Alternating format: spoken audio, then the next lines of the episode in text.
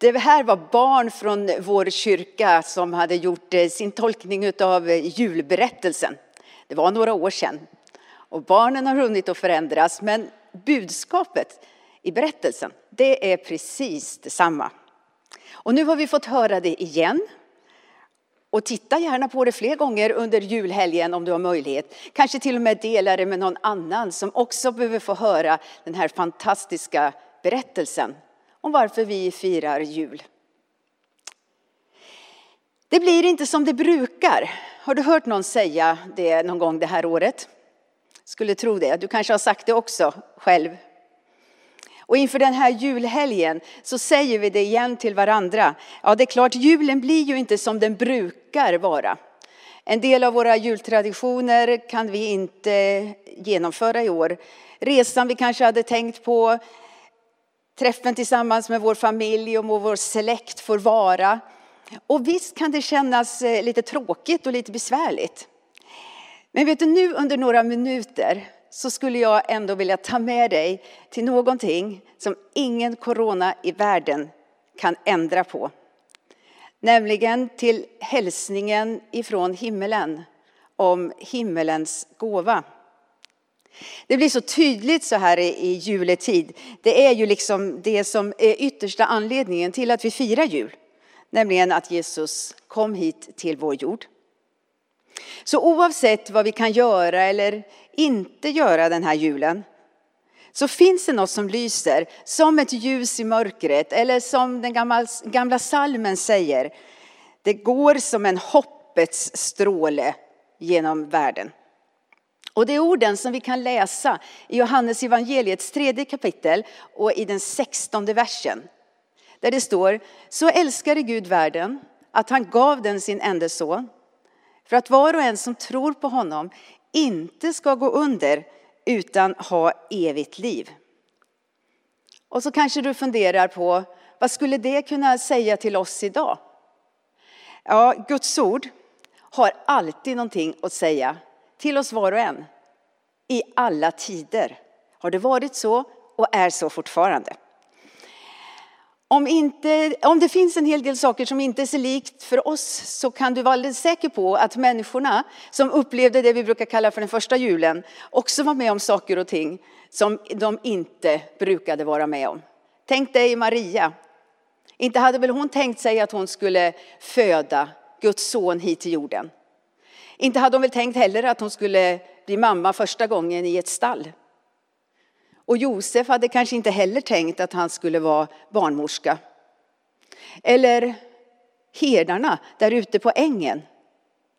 Inte hade de väl tänkt att deras natt där ute skulle bli så otroligt annorlunda. Och när Jesus skulle komma hit till jorden, då var det också annorlunda. Nog kunde man väl tänka sig att han skulle valt att födas på ett bättre ställe. Men han valde att lämna himlens härlighet, står det, för att komma hit i en väldigt enkel, på ett väldigt enkelt sätt, i all enkelhet. Och vem skulle annonsera hans ankomst allra först, eller få den annonserad för sig? Jo, några enkla herdar, inte alls kända på något sätt. Ja, det var faktiskt så att det var väldigt mycket som inte var som det brukade vara. Budskapet som herdarna fick när de satt där ute i den mörka natten ifrån himmelen själv genom ängeln som kom.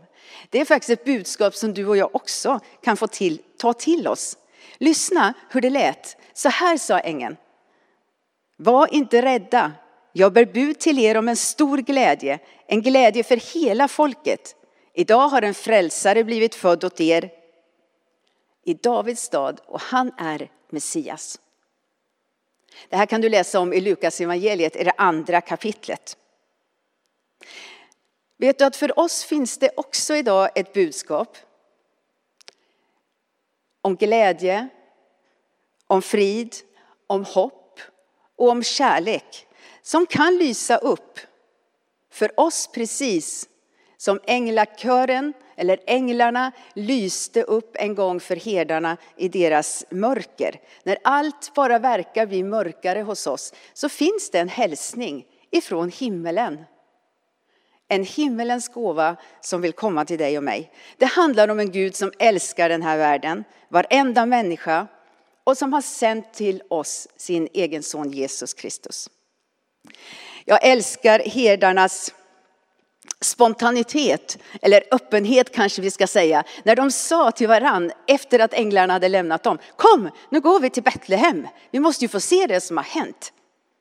De började inte diskutera, de började inte ens ifrågasätta om de var värdiga att få gå dit för att se Messias. De gör helt enkelt ett beslut, det här måste vi få se. De ville se det med egna ögon. Det räckte inte med någon andrahandsinformation, inte ens fast det var ängeln som hade kommit med den. Och så fick de, som de allra första utav så många tusen och åter tusen människor, genom årtusendena se Jesus Kristus. Och vad gjorde de? Ja, de bara öppnade sina hjärtan, tog emot, tackare. Och jag är alldeles säker på att den här natten förändrade deras liv för alltid. Och de berättade överallt vad de hade varit med om. Hälsningen från himmelen om himmelens gåva, den är densamma som den alltid har varit och den är det för dig och mig också. Gud älskar oss, han har sänt sin son till jorden. Vi kan få ha gemenskap med Gud, förlåtelse för vår synd, hopp, frid, glädje och kärlek. Tycker du det låter för bra för att vara sant? Men Bibeln säger att det är möjligt genom att vi tar emot gåvan Jesus Kristus. Så i en osäker och hotfull värld så kan vi få lyfta vår blick också den här julen och se någonting annat. Något som är större än alla de omständigheter som vi lever i just nu. Så vad gör du och jag med hälsningen, med gåvan från himlen? Ja, du kan tänka att den inte är sann. Tänka att den gäller andra men inte mig. Tänka att den är ganska ointressant och inte berör dig. Eller du kan faktiskt också ta emot den och tro att det gäller dig. Det här är vårt eget beslut. Men jag vill göra som herdarna. Jag vill ta emot och tro att Jesus Kristus är min frälsare. Jag vill öppna mitt hjärta för honom. Och den här annorlunda julen 2020 så önskar jag att jag ska få ta mycket tid för att tacka och prisa himmelens gåva Jesus Kristus för att han kom hit till jorden med en hälsning som har förvandlat mitt liv och så många andras liv. Och jag vill hälsa dig välkommen att göra detsamma.